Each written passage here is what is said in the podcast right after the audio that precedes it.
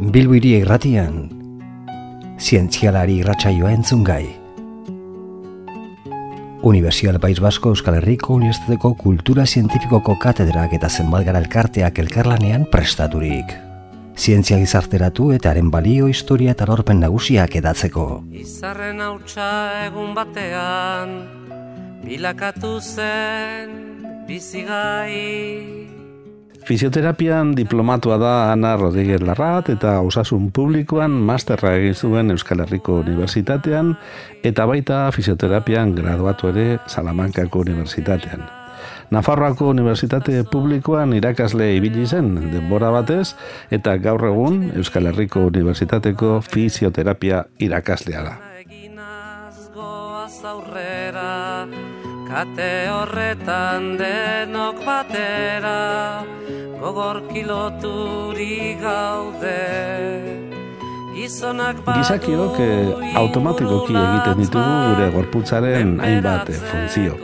Hainbestetan egiten ditugu funtzio horiek, non azkenean eh, konturatu ere espaikara egiten, horize egiten ari garenik ere. Adibidez, eh, jaiotzen garen eskerostik, arnasa hartzen dugu denok. Eta hori oharkabean egiten dugu. Baina batzutan, gure arnaz aparatuan gaixotasunak sortzen dira, eta gaixotasun horiek on, ondorioak dakartzate, eta ondorio horiek geuk pairatzen ditugu. Ondorio horiek eh, lehuntzeko hain zuzen ere, arnaz eh, fisioterapia onuragarria dela ondorio estatu du Ana Rodríguez Larradek, gaurko gonbidatuak, UP, UPV, EHUko ikertzailea denak eta fisioterapeuta denak. Izan ere, ikertzailearen lanak erakusten du, Arnaz ariketek murriztu egiten dituztela biriketako minbiziaren ebakuntzaren ondoko arazoak eta baita ebakuntza ondoko ospitaleko egonaldi hori ere luzea izaten dena ba, laburtu egiten du.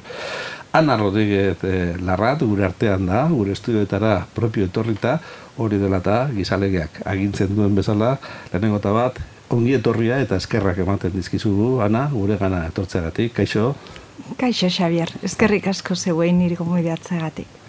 Bueno, fisioterapia, ez dakigu, ez erre, gara prestatzen pixka bat, lagundu beharko diguzu, ze denok entzun dugu, nik atera dudan konklusioa gana da, ba, fisioterapia, denok entzun dugu zer den, baina zehazki zer den ez dakigu ondo. Orduan, zuk nola de eskolak eta ematen dituzu, eta imaginatzen dut galdera hau askotan egingo izutela ikaslek, ez da? Bueno, fisioterapia zer da? Zertan datza eh, fisioterapiaren muina edo, edo zentzua? Ba, egia esan, hartzen badegu fisioterapia hitza eta banatzen baldin baditugu, hoietako bat, e, izango da, guazen amaierakotik, ez? Fisioterapia, Bai. Terapia. orduen terapia da, zelan lortu dezakegu terapia egitea, eta fisio izango litzateke, edo erre, e, referentzi egiten dio e, medio fisikoei. Eta medio Mhm. fisikoen, ba, agertu dezake ba, Ez gure gorputzari, baizik eta kanpotik eragiten zaizkigun medio fizikoei, ezta? medio fisikoekin lortzen dugun terapia. Eta hor e, topa ditzazkegu hainbat eta hainbat e, metodo desberdinak. Mhm. Esan leike ba, hor sartzen dugu masaia, sartzen dugu baita ere urakin zerikusia duten medioak, baita ere temperatura, baita ere uinak. Ariketa ez da, ez egiten den hori bakarrik, eh? ikusten ari garen ez, ja, sartzen dira ura, uinak, temperatura, bueno, bueno, ariketa, ariketa. ariketa, ariketa fisikoa, Mhm. baita ere, orduan terapia moduen erabiltzen ditugun medio guzti horrek, ba, horren horren ezagutza. Eh, kirolari batek eh, belaunean lesio bate izan duenean eta ez dakit nola ibiltzeko gomendatzen diotenean fisioterapia egiten ari da bera, ezta? Halako ariketa batzuk edo pisu bat altxatu edo edo mugimendu bat egin, hori ere fisioterapia. Hori da, de hecho badago hoietako beste bat, nik hain zuzen ere unibertsitatean irakasten dudana, finesiterapia ere, eta horren barduen daukau terapia, baina finesi edo mugimenduaren bitartez lortzen den terapia.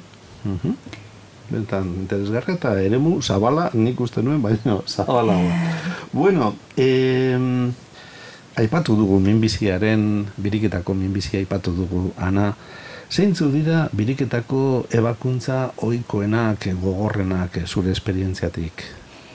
Bai, ni, e, nire esperientzia arlo honetan oso mugatua dago fisioterapia moduen e, parte hartzen dugun ebakuntzekin. Bai, guk alde horretatik galdetzen dizugu gainera.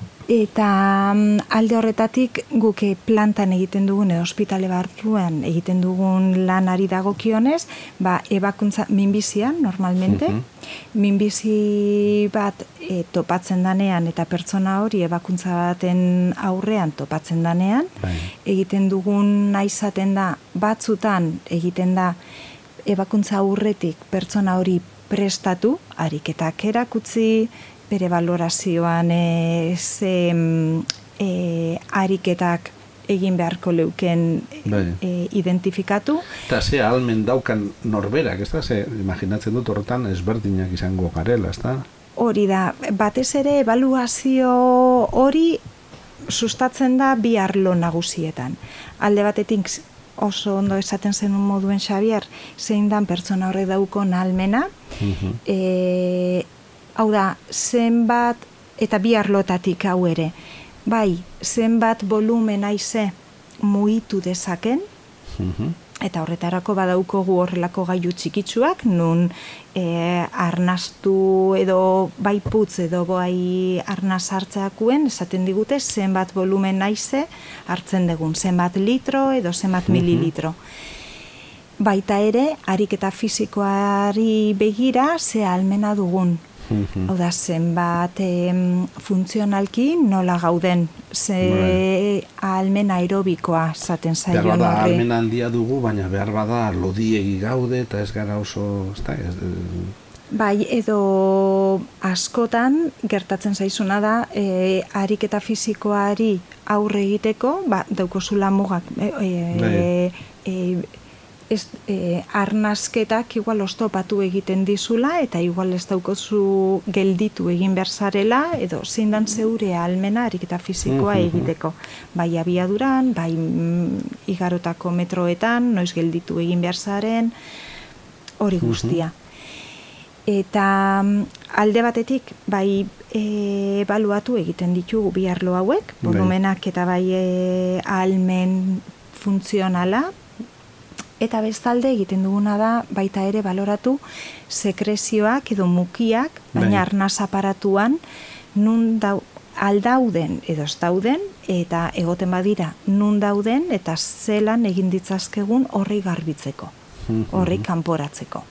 Mhm. Orduan, hor badago lan bat, e, aurretik egiten dena, sakona eta luzea ikusten dudan, ez da? Bai, bai, bai. Gaur egun em, e, fisioterapia edo arnaz fisioterapiako adituek egiten dutena da valorazio orokor guzti hori, arlo guzti horreik eh, kontutan hartzen, eta mm, ebakuntza aurretik egiten diezen valorazioak arlo guzti horrei kon, e, bai, e, Kontuan hartzen dira. kontuan hartzen dira. Mhm. Em, bigarren galdera bat, e, zure artikuluetan, bideoren batean ere irakurri dugu hitz bat ulartu ez duguna eta bentsa galdetu behar dizuguna. E, Ana, zer da biriketako erresekzioa? Hori esaten duzuenean, zer esan nahi duzue? Erresekzioa. Betxu, adibidez, em, biriki minbizi bat e, lokalizatzen danean, Mhm. em, kasu batzuetan, erabaki terapiko, terapeutikoa izaten da ebakuntza bat egitea. Bai. Ebakuntza horrek bilatzen duena da, bui- bizi atal hori kentzea.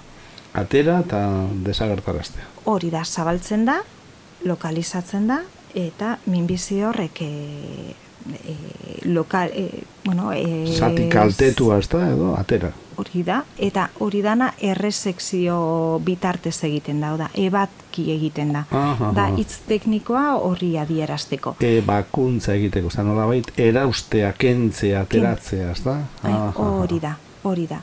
Orduan, e, gu fisioterapia moduen, behin ebakuntza hori, erresekzio hori, egin ondoren, pazientea beharriro ere, ai, kirofonotik urtetzen denean, orduen hasten gara berriro ere e, ariketak egiten.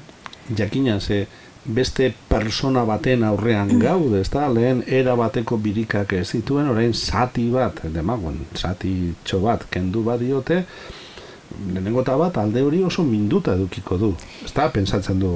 Hori da. Eta bestetik, eh, beste funtzionaltasun bat hasi behar du berriro, ez da, berak. Hori da, ikusi duguna, edo ikusten duguna da, ebakuntza horreik, em, ondorio ondorio asko ditula. Alde batetik ondo esaten duzun moduen zati bat gabe gelditzen da, baina e, aurretik ere probablemente edo ezuena ondo airestatzen. Bai, bai, Bestetik daukoguna da e, insizioa bera, hau da zelan zabalik, Bai. zelan zabaldu den, zelan Bai, ebaki ebaki egin Bai. Eta orduen horrek eragiten dio bai muskularki, bai saietzei, bai e, e, eun bigun guztiei, birikira Bai. heldu arte, eta hori oso oso mingarria da. Aha. Horretarako, han, e, e, bueno, ba, e, tratamentu farmakologikoa jartzen da, eta oso garrantzitsua da, ze hori ondo kontrolatuta egoten bada, pertsonak zailtasun gutxiago izan dezake berriro ere bere arnasketa normala egiteko Berreskuratzeko. Eta... berreskuratzeko. Eta gero, hirugarrenez, em, egia da, ebakuntza horrei aurre egiteko, berriro ere erakusi, erakutzi edo berrezi egin behar dala, berriro ere muskulo guzti horreik, ze ebakiri egin dira, Hori da. E, josita daude, e, horren Berriro aurre... martxan ipini behar dira, ez da? Bai.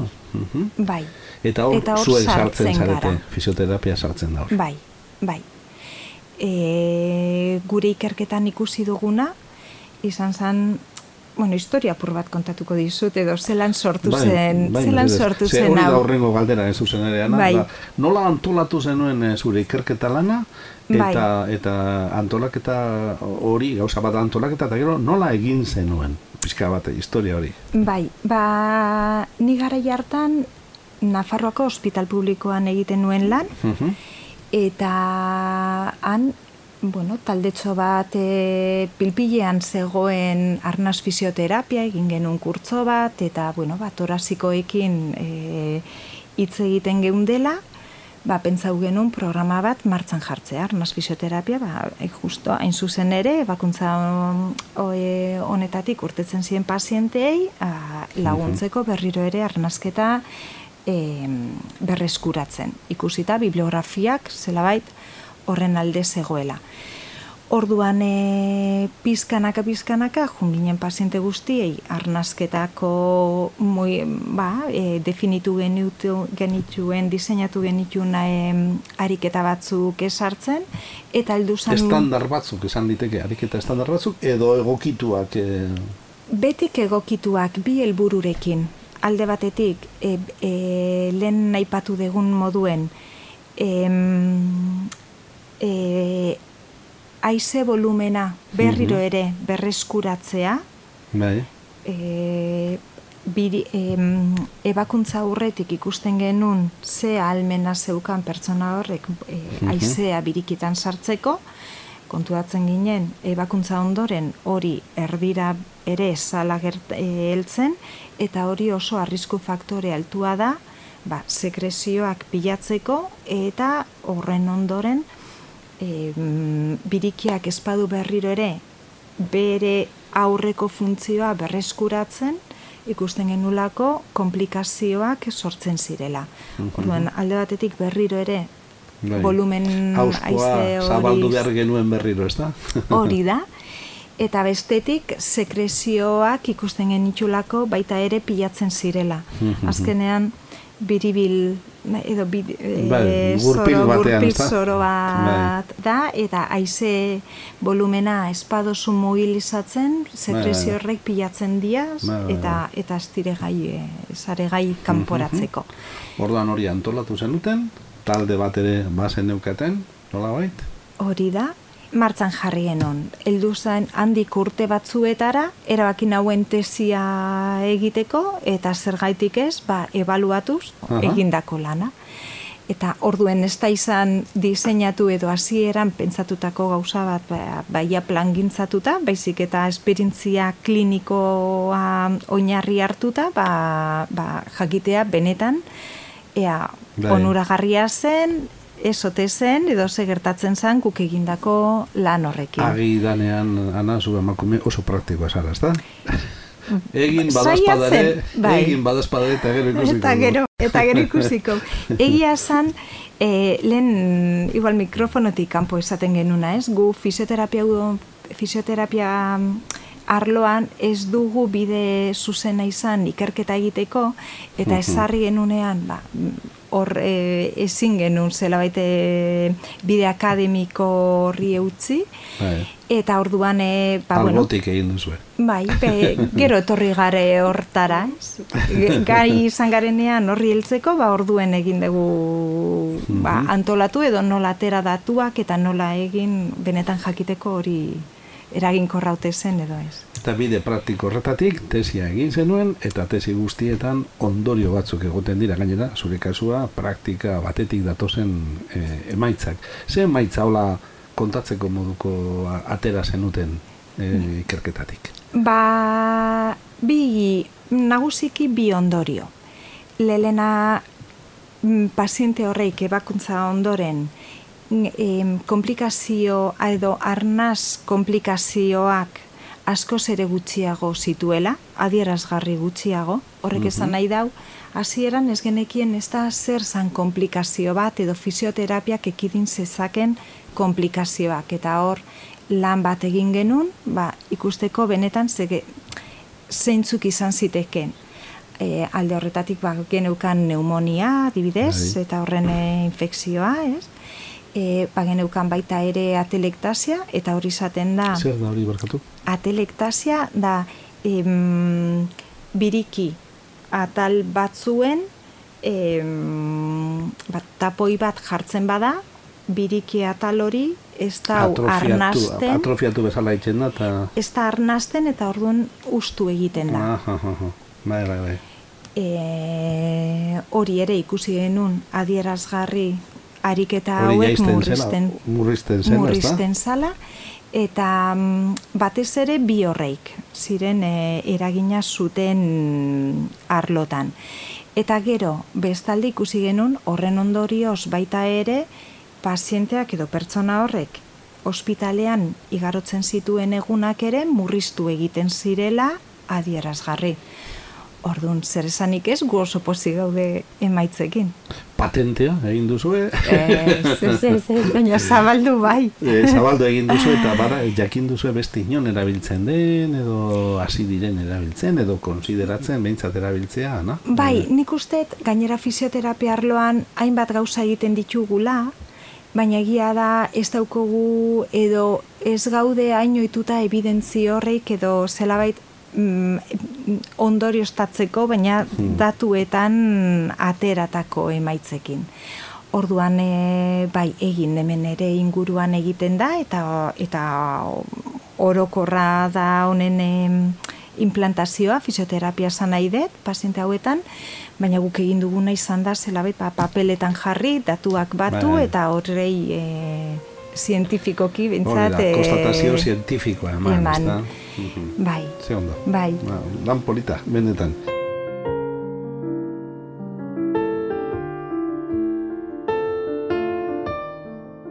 Gaizorik egunez arren edonork egin ditzake ariketa horiek? Erresekzioa gertatu denean erabili diren horiek? Edo ez da komeni edo kontu handiz, e, ibili behar dugu zer egiten dugun, ze ariketa egiten dugun, ez dugun egiten. Hau da, Esango interneten genuke- begiratuta ez dugu horrelakorik egin behar, ezta? E, a ber, arnazariketak azkenean gertatzen dana da, bilatzen duguna da haize mobilizatzea. Haize volumenak mobilizatzea Arnasa, hartu eta bota, ezta? eta bota. Eta modu eraginkor baten. Bai, Orduan, modurik errezena, izaten da ariketa fisikoa eginez. Ariketa fisiko paseo bat ematera baldin basoaz, horrek egingo dau, automatikoki zeure arnazketa egiten ari zaren ariketa edo jarduera horri doitzea. Horrek bai. mugitu egingo du, bai. eta hori hona da Beti. Beti. Eta Ana, eta kontrakoa ere bai, ez da? Eserita gaudenean, sortzi orduz, amar orduz, eserita gaude, gure bidikak ere moldatuko dira, eta zan pensatuko dira, eta lasai, gu ere lasai. Gure jabea lasai badago, gu ere lasai, ez da? Hori da, ordune alde horretatik, gure gomendioa da, ariketa fisikoa bultzatzea, mm aliketa gehien egitea, hori beti dala guztiondako onuragarria. Eta oroar, e, oroar, e, norabait, norbaitek, e, ez dakite, pensatzen ari naiz, alako katarro kronikoak, e, jende asko, que sinusitia dauka, pizka bat zenuetatik, eta ur moduko hori, mukosidade moduko hori, bai. eta jende horrek ere, harik eta berezirik egin beharko luke, fisioterapiatik edo... Oso gomendagarria da esan genezake fisioterapiara edo fisioterapeuta baten laguntza behar izango leuke, ba, adibidez e, infekzio baten ondoren, edo pertsona bat mm, birikitako gaixotasun baten aurrean gelditzen baldin bada, komenigarriagoa da, ba, valorazio bat egitea, ba, lehen aipatutako moduen jakiteko ze almena daukon, mhm. ea sekrezioak e, nola kanporatu, bai. eta holan modu zuzenduagoa baten egiteko ariketa mm, zehatz batzuk. Horretaz aparte, e, bai gaixotasun arnasteko gaixotasunak edo baita bestelakoak ere, onurak e, edo ariketak onura dauko horrelako gaixuetan ere, baina gizaki guztietan duten bezala egin behar duguna da doitu eta norberak erraz bai. edo gustora egiten duen modu baten egitea. Eta hori bilatzea beti, ez da? Bai, eta mhm. hor gure ikertaldeak ibilbide luzea dauko, bai Jon Irazuzta izan duzu hemen bai, eta berriro, bai, bai, berak ere osondo asaltzen ditu horrelako onurak, sistema eta aparatu desberdinetan. Nik uste eurak edo taldean esaten dugun moduen hobeto da ariketa fisikoa egitea ez zerrez egitea baino. Eta orduan nor norberak bilatu beharko leuke gustora egiten duen zerbait, modu eramangarri baten egiteko eta eseteteko eta bai, bai, bai afizio hori hartzeko. Bai, eta ez lehiatzeko moduan, baizik eta hobeto sentitzeko asmo horretan, ez da? Bai. Gustoko daukona lehiatzea, ba, hori bilatzea ere, eta bai. ez daukona ere, ba, bere bidea bai, bilatzea egiteko, baina muimendua eta aktibo mantentzea hori ikusten ari gare oso oso garrantzitsua dela, ba, bai gaixuetan, bai adinduetan, bai zeresanik ez, habitoetan. Ba, dudarik gabe, edanok kirol pizka bat egin dugun guztiok, ba, entrenatzen ibilik garenean asko sobeto ibiltzen ginenean, ibiltzen mm. ginela, entrenatzen ez gabiltzanean, baino. Bai. begion biztakoa da, bai. eta mugitu den edonork badaki. Badaki. Onura gainera ikusten ditugu, eh? Badirela bai eh, aparatu desberdinetan, hau fizikotan, ez? Ba, bai giarretan, bai. ez urdentzitatetan, e, arnasteko almenean, e, baina baita aldaketa kognitiboetan ere ikusten ari gare zer ikustia. bai, eh? Bai, mhm. bai. Buruko lasaitasuna ez aipatzearen, ze horrek ere ez da, nola, baiteko lasaitasuna ere ematen digu ariketak ez da. Hori da. Mhm. Hori da. Eta gainera, ana, gure gorputzatalak, eta hori denok esaten duzu, eh, mugitzeko pentsatuta daude, guk oinak e, ibiltzeko ditugu, eskuak eta besoak gauzei heltzeko ditugu eta hori da beren berezko funtzioa erabili beharko genukena beti, ez da? Esperientziak izateko. Azkenean e, bizidunak bizitzeko hori mugimendua da eta hori behar du, ba, esperientziz e, bai. aberastea. Mhm. behar dugu gauzak ikutzea, gauza berri baten aurrean Bastatu, gaudenean. Ikutu, bai. ibili, bai. igo, jaitzi. Bai. Horretik sistema guzti horreik, nire ustez oso, oso, oso elkarrekin doa, bai. e, eta mugimenduari oso, oso lotuta. Lotuta daude. Bai. Azken galdera bat, eh, gure, gure bai. aldetik, eh. Ana. Eh, nolabait fisioterapiaren alderdi honenak eta ipatu berri dituzu, eta Fisioterapiak badauka mugarik, zeintzu dira fisioterapiaren mugak zure ditzian? E, mugarik baldin badu, behintzat? Bai, gu aurretik esan dako moduen oso disiplina, bueno, berria edo behintzat zientzia egiteko, bueno, nahiko, nahiko berria gara arlilde horretatik, orduen nik usteet mugak baino aukera paregabea dugula oin aurrean, urteetan eta urteetan egin dugunari, bentsat ikusteko ze, ze evidentziakin edo erabaki horreik aztertzeko. Mhm. bai. Eta mugak, bueno, gu beti daukogu edo izan beharko ditugu bat, diagnostiko bat edo arazo bat ondo, ondo fokalizatuan, desde luego hainbat gaixotasunei ezin diegu e, aurre egin edo ez gare gai, baina behin gure arloan sartzen diezenak, ba ez dakitze, minbiziari adibidez ezin diogu guk aurre fisioterapiaren bitartez, Bai. baina bai, fisioterapia... Zendakuntzarik ezin diozu esarri, baina bai lagun garri, egon, ez da? Hori da, edo em- egin danean e, bakuntza bat, ba, horren ondoren badakigu gaitxasuna daukogula ba, bizi kalitatea hobetzeko, komplikazioak ikusi ditugun moduen e, are eta gutxiago e, e, egoteko, Bueno, ona, ba, mila esker, benetan, e, ebakuntza minbizi, e, biriketako minbiziaren ebakuntzaren ondoko arnaz ariketen inguruan jardun dugu, baina bide batez, fisioterapiaren e, balioak, fisioterapiaren alderdi guztiak erakutsi dizkiguzu, ederki erakutsi ere, benetan estimatzen e, dizugu, eta sorionak zuen lanagatik eta alik eta emankorrena izaten jarrai dezala. Eskerrik asko zuei, Xavier, oso gustora sentitu naiz eta benetan aukera paregabea, ulan dakiguna, zeboi ere larazteko.